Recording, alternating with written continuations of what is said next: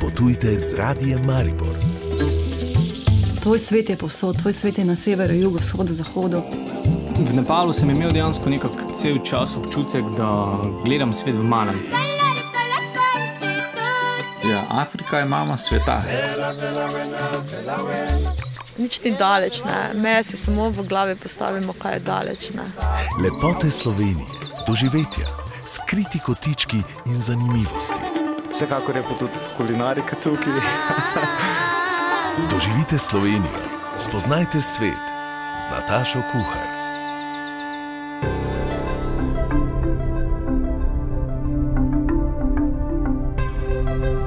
Pozdravljeni in vabljeni k poslušanju. Tokrat se bomo odpravili na mednarodno razstavo Expo Dubaj. Tam je ta konec tedna mariborska delegacija, rdeča nit predstavitve pa je zgodba o najstarejši trti. V vdaji pa še openini Untouched by Light iz kleti Radgonske Gorice, ki je gospodarska zbornica podelila zlato priznanje za inovativnost. Seveda bomo tudi potovali drugič zapored po Južni Ameriki. Med drugim boste izvedeli, ali sta Rok in Katarina srečala jaguarja.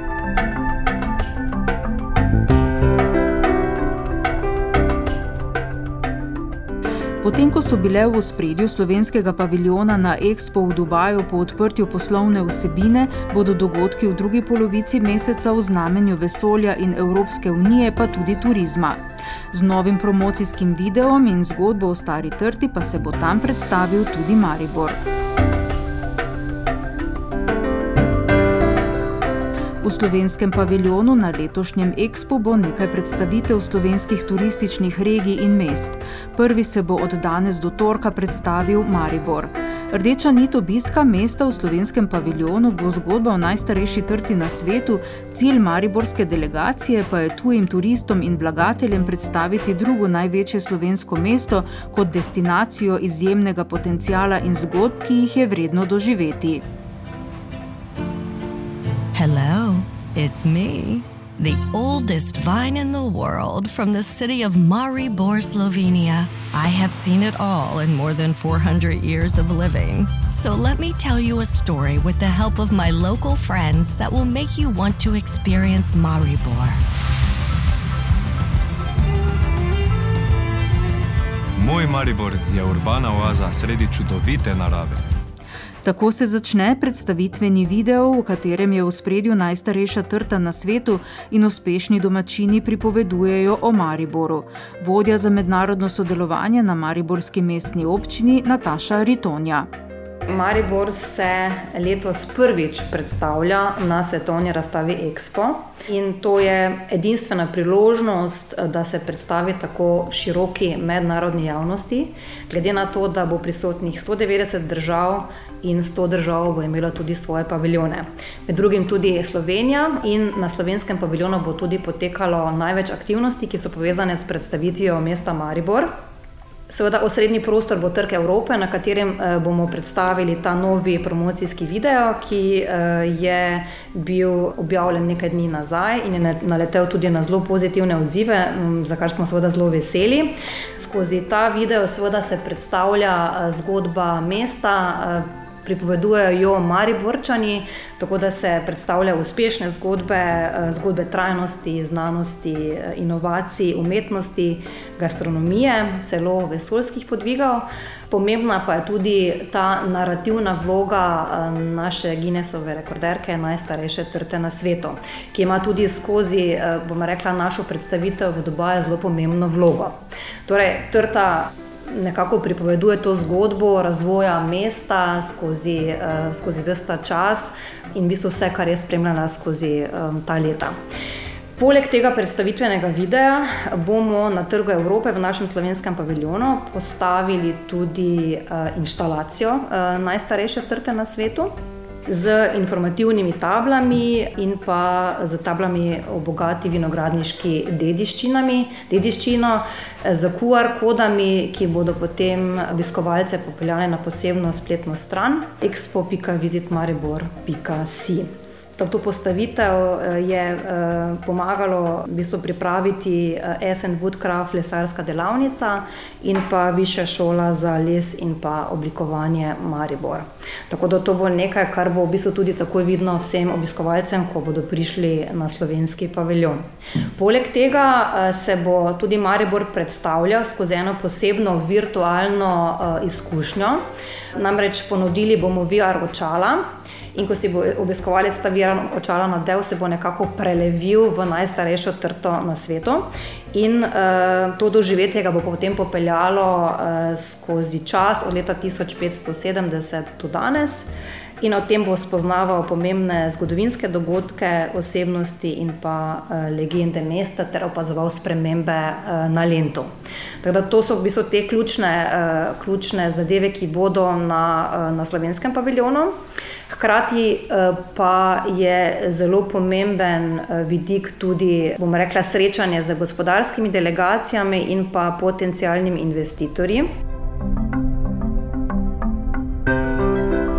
V nadaljevanju pa še k eni žlahtni kapljici. Okusi Slovenije. Spoznajte jih.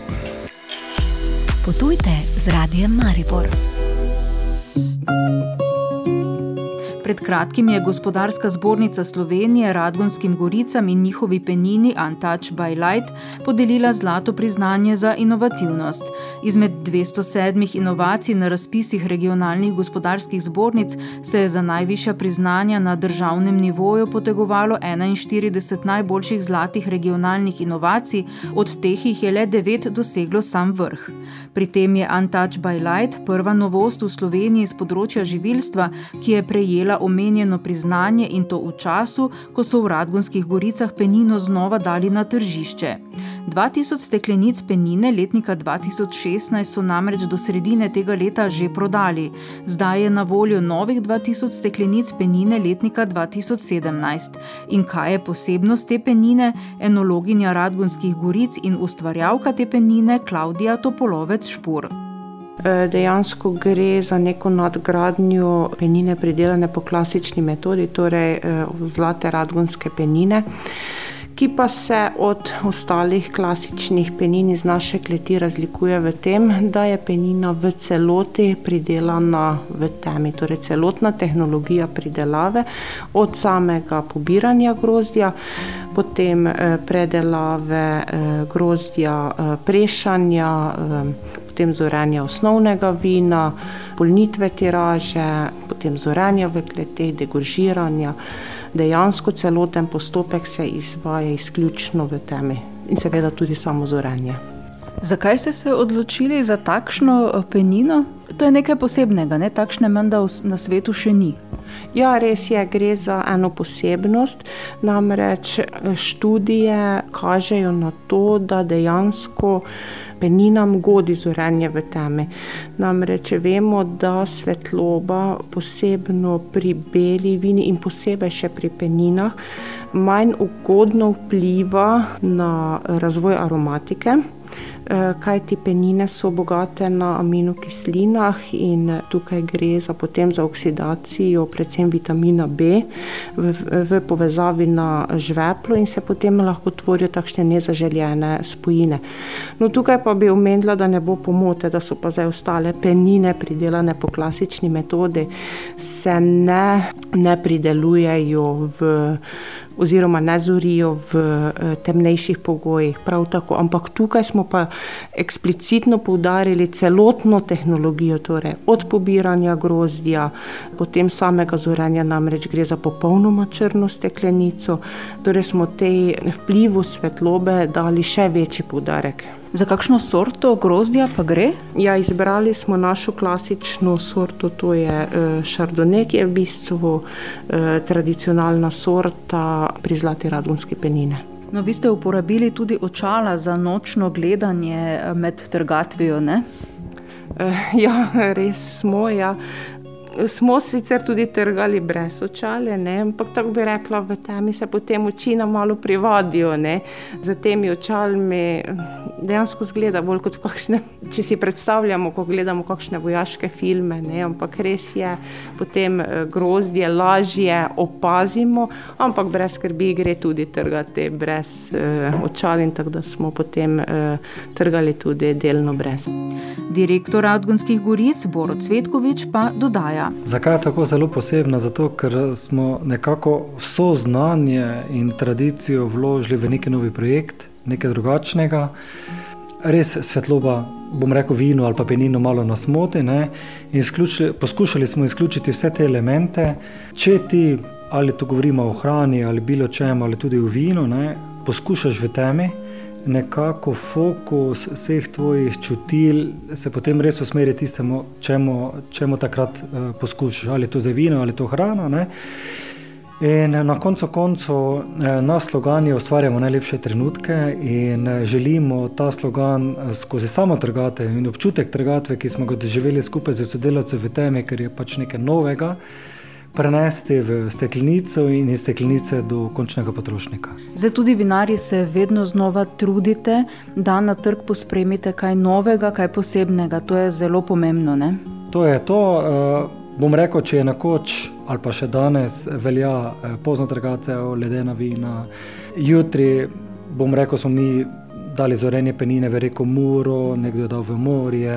Poskušaš pač loviti izboljšave ali pa drugačnost eh, pri vinih ali pa peninah, eh, pospremiti z, neko dogodi, eh, z nekim dogodkom, za neko zgodbo, ki jo vino sigurno vsake toliko potrebuje, ker jaz pravim, da vino vedno potrebuje družbo in vedno potrebuje zgodbo, normalno pa da je to povezano z samo kvaliteto. Da je penina dosegla in presegla tudi pričakovanja javnosti, potrjujejo ne le razprodan prvi letnik, pač pa tudi številne mednarodne prestižne nagrade in priznanja. V nadaljevanju pa bomo med drugim izvedeli, ali sta popotnika Katarina in Rok v Braziliji srečala jaguarja. Potujte z radijem Maribor. Tvoj svet je posod, tvoj svet je na severu, jugu, vzhodu, zahodu. Doživite Slovenijo. Spoznajte svet.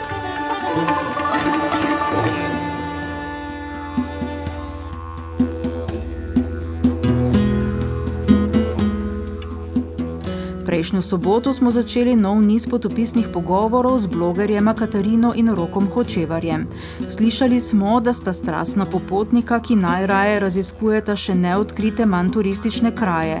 Svoje izkušnje, dogodivščine pa tudi na svete zbirata in delita na spletni strani oziroma v blogu Lahkih nog na okrog. Danes bomo med drugim izvedeli, ali sta v Braziliji srečala jaguarja in kako je doživeti karneval v Rio de Janeiro.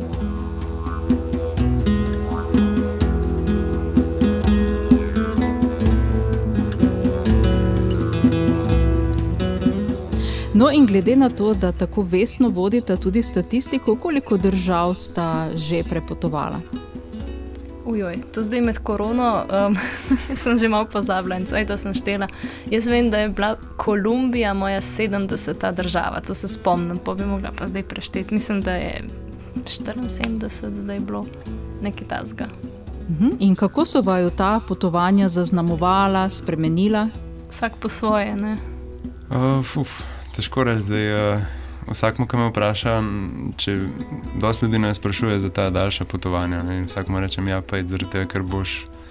Ne morem ti reči, kaj boš odkril na tem potovanju, ampak vsak gre nekako zaradi sebe na, na potovanje. Se mi zdi, da se pač kot oseba malo uh, zrasteš, malo odrasteš, zdaj, od česar koli že uh, nekako malo tudi sebe odkriješ. No?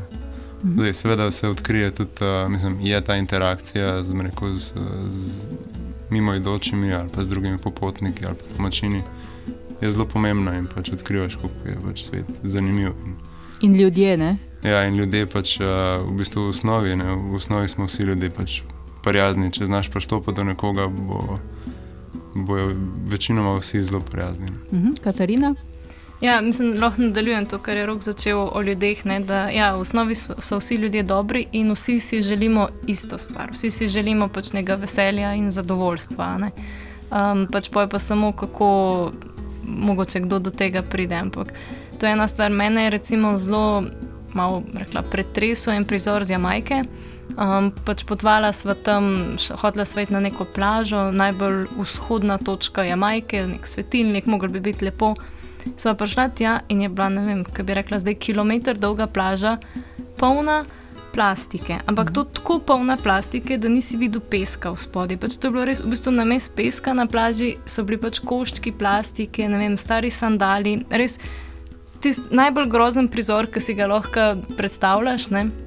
In to je vse, kar naplavi pač tam iz Karibskega morja, um, pač pride na to obalo Jamajke, ki je pač najbolj odprta. In tiste mene res tako malo pretreseno in sem začela res razmišljati o tem, koliko plastike doma porabimo, oziroma takrat so se res začela truditi, da bi jo manj, a ne res manj. Um, okay. Če se strinjata, gremo zdaj v Južno Ameriko. Tam sta bila devet mesecev, potovala sta z avtomobilom, ki sta ga kupila v Čilu. Ne? Res je. Zakaj prav Južna Amerika? Zaradi te narave, ki jo ponuja? Pa v bistvu mi dva nisva tako veliko vedela spet o uh -huh. sami Južni Ameriki. Mislim, poznala sva, ne, da je tam Machu Picchu, pa da je Patagonija s hribi, pa Amazonska džungla, ampak ni bilo, da bi rekla, zaradi narave greva tja. Ena ideja je bila že v bistvu kar nekaj časa, da bi potovala po tej Pan American Highway. Se pravi, to je cesta, ki povezuje Severno Ameriko pač čez celotne Amerike, no? od Aljaske pa do skrajnega juga Južne Amerike. To je bilo v eni knjigi, ki sem jaz dobila za zaključek faksa od sošolcev, kot ideja za potovanje. In to sem jaz enkrat roko rekla, da to bi pa mi dva lahko šla. Ne? In pol je rok zgrabil. Ja, in potem, ko se je pa pokazala priložnost, da bi pa res lahko šla na potovanje, je bilo pa tako, da je bilo to konc leta, nekje ne vem, novembra, oktobra, sva se mi dva začela o tem pogovarjati in takrat ni glih čas, da bi začela potovanje na Aljaski, recimo, ne? Ker je pač zima in se ne da potovati in je bilo tako, ok, pa gre pa v Južno Ameriko, ne? tam bo pa zdaj glih uh, poletje. In pa pol tudi glede na časovni okvir, oziroma koliko sva si lahko vzela časa, takrat sva rekla nekje, ne vem, pet mesecev, mogoče šest. Sva rekla, pa bo tako Južna Amerika, če za dost, ne bova imela časa za več. In tako je poratar, sicer so podaljšala, tistih pet mesecev je ratal devet, ne? ampak vseeno sva ostala samo pri Južni Ameriki, pa še bi lahko bila dol, še enkrat tok, po mojem. No? Se mi zdi, da je to nek tak, da zelo dobro uriše, kako mi da potujejo, planirajo potovanje, neka taka grant ideja in pa ne, se zrealizira en manjši kos, rekel, ampak uh, za, za dobro potovanje, ker se mi zdi, da smo imeli devet mesecev, pa samo v Južni Ameriki, smo je toliko bolj odkrili.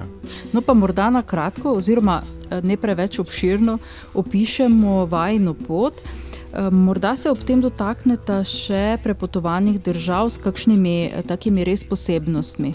Ja, zdaj, se pravi, kupila sva avto v Santiago de Chile in potem potovala po rekel, Čile je tako zelo dolga država proti jugu, ne, skozi Patagonijo, rekel, severno Patagonijo in južno Patagonijo, ki jo mi poznamo, pa pa do Tierra del Fuego, ognjene zemlje, se obrnila nazaj gor proti severu, po vzhodni obali Argentine in pa šla čez Urugvaj, Brazilijo, rekel, in tako velik krok.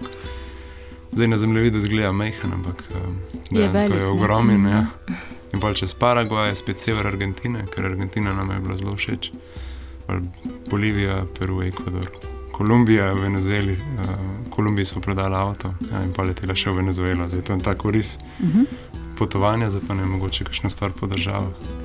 Čile je recimo zelo razvita država za južnoameriške standarde, tako da tam so se tudi zelo varno počutila. Pa po eni strani je vsaj začetek potovanja za naj bil zelo podoben našim krajem. Vse je bilo zeleno, jedla sva češnje, borovnice.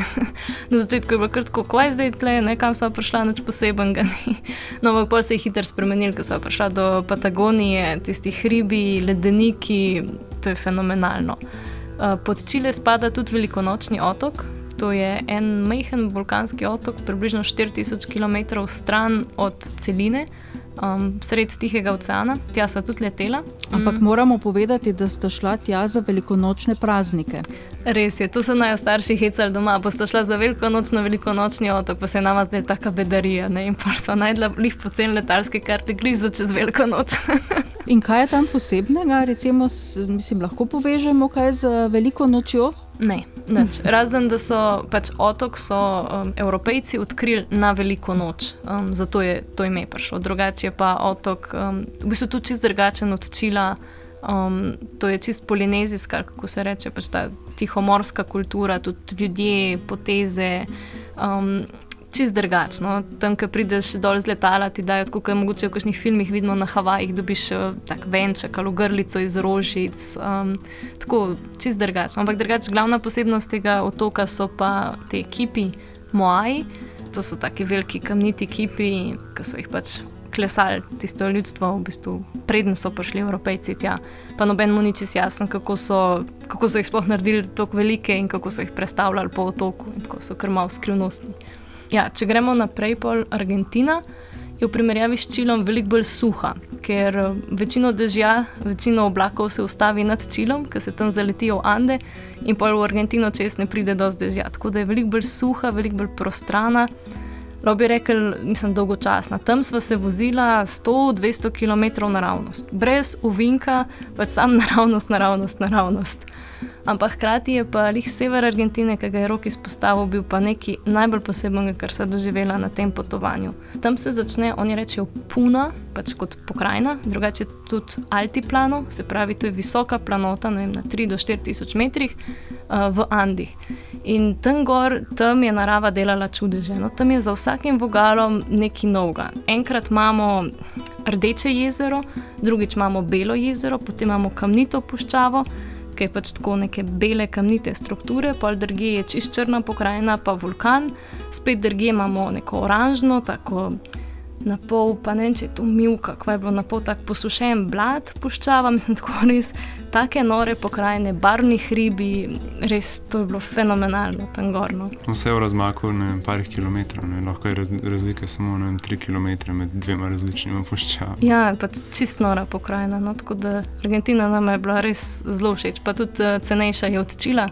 Tako da je z tega vidika tudi mogoče malo bolj prijazna. Pol, če gremo naprej, Urugvaj, Urugvaj ni tako poseben, če sem odkrita. Za Urugvaj rečejo, da je v bistvu samo še ena provinca Argentine, ker imajo res podobno kulturo, hrano, pač uh, posod pijejo ta mate. To je čaj. argentinski čaj, oziroma v bistvu načeloma je celo paragvajski, ne? ampak um, ja, to je taka posebnost, ko vsi hodijo s takimi skodelcami, pa slamco noter zapičeno in pijejo tiš čaj. v Braziliji, videla sva približen jug Brazilije, Lahko rečem, da kar mi vemo o Braziliji, so lepe plaže, pa mogoče Amazonko, kdo pozna. Ne? Mislim, tako da asociraš. Uh, mi dva sva bila v hribih tam, uh, globoke kanjone sva videla. Um, pogledati sva si šla glavno mesto, Brazilija, ki je umetno narejeno mesto, bilo, kako bi rekla, prav odločili so se, ne vem, 60 let nazaj, da je zgradili novo mesto, ki bo glavno mesto tam usred. Noč v sred Brazilije, ampak je arhitekturno zelo zanimivo, to bi lahko rok več razlagal. Po Braziliji smo bili na karnevalu. To je bila v bistvu ena izmed stvari, ki smo si jo že vnaprej splanirali, pa kupila karte. Se mi zdi, da je bilo to kar zelo posebna stvar. Uh -huh. Aha, kako je doživeti ta karneval, res, če malo uskočim? Ja, v bistvu je to, bom rekel, celo mesto zaživijo na dveh, na dveh različnih nivojih. Eno je, um, v bistvu zaživijo ulice, tako da zaprejo dobesedno eno cesto, celotno, rekel od začetka do konca je se tam žura, to je pač uh, neuraden del karnevala, rekel, in to poteka, da se vsak, vsak večer se zapre, da besedno pač ena ulica. Uh, to je en nivo, drug nivo je pa v bistvu dogodek, ki poteka na enem večjem stadionu, Sambodrom se imenuje. Mislim, da je dolg cirka en kilometr, pa pol v bistvu je to kot neka vrsta, ne vem, predstavljati, kako bi pač prna šel gledati, ne vem, balet, pa oper, pa take stvari. Tako da je v bistvu zelo tak spektakel, ki traja celo noč. Uh, in ga je zelo, zelo zanimivo videti. Zdaj, jaz nisem rekel, nek fan bil sambe, uh, ampak sem v bistvu zjutraj, zadeva se je začela ob desetih zvečer, recimo, in pa je trajala do zjutraj, do šestih. Recimo, in so, sem zjutraj že tako rekel, malo poskakoval in pač plesal zraven s tistim ritmom, ker pač. Če si, nisem težko, težko zdaj opišem tukaj, ker v bistvu poskakujem po stolu, da bi opisal zraven, ampak tako en kilometr dolg stadion, ki sam pa šole v bistvu plešejo med tebe čez cel kilometr uh, in se cel stadion reko ziba. Ne, je to, to je res tak občutek, uh, ki ne moreš ostati ravnodušen. No. Barvito tudi, ne? Um, ja, barvito, ja, ampak se pravi, tisto, kar je najbolj pomemben, saj meni bilo, je bil nek uh, ritem in, in tako pač res nek, nek tak pač zanos te, te glasbe in tega plesa, ki je pač nek čist drug nivo, kot ga jaz poznam. Ne. Mm. To Brazilci znajo. Ne? Mm. Mi dva sva tudi imela zelo dobre karte, v bistvu sva dobila upgrade, uh, kupila sva karte, sicer malo bolj v zadnji, ampak pol so nama vem, pač izdali karte za prvo vrsto. In sva bila čist zraven teh plesavcev, tako pač bi se jih dotaknila, no tako blizu sva bila in je bilo z tega vidika mogoče za to doživetje še toliko bolj globoko ali pa toliko bolj posebno. No, v Braziliji, če smo še pri Braziliji, sta ostala tudi, da bi si v živo ogledala jaguarja. Ja, to je bil plan, oziroma pač moja želja, valjda, videti živali. Um, zato smo prvo rekla, ker smo prvo mislili na pet mesecev bova v um, Južni Ameriki, in pa smo rekla, ne, ne moramo podaljšati na šest mesecev, zato ker tam, kjer se da videti jaguarja, v tistem delu Brazilije, je sezona, oziroma čas, ko se da videti jaguarja, glih nekje juni, juli, avgusta, ne, kar bi bilo glih nekako šest mesecev od najnega začetka. Uh, sicer pol so se plani tako spremenili, da so bila midva junija že nekje v Peruju, sva tudi tam poskusila videti jaguarja. Prav videla ga nisem, videla sva pa zelo svež odtis njegove tace um, na obali Amazonke v Peruju. Pol. Tako da ta jaguar v Braziliji naj pa upam, da počaka. No.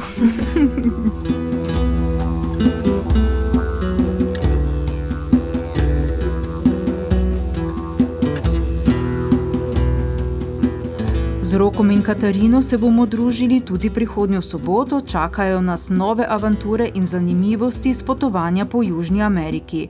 Za danes je to vse, oddajo sva pripravila Simon Šprajcer in Nataša Kuhar. Najdete jo tudi v aplikaciji za podkaste.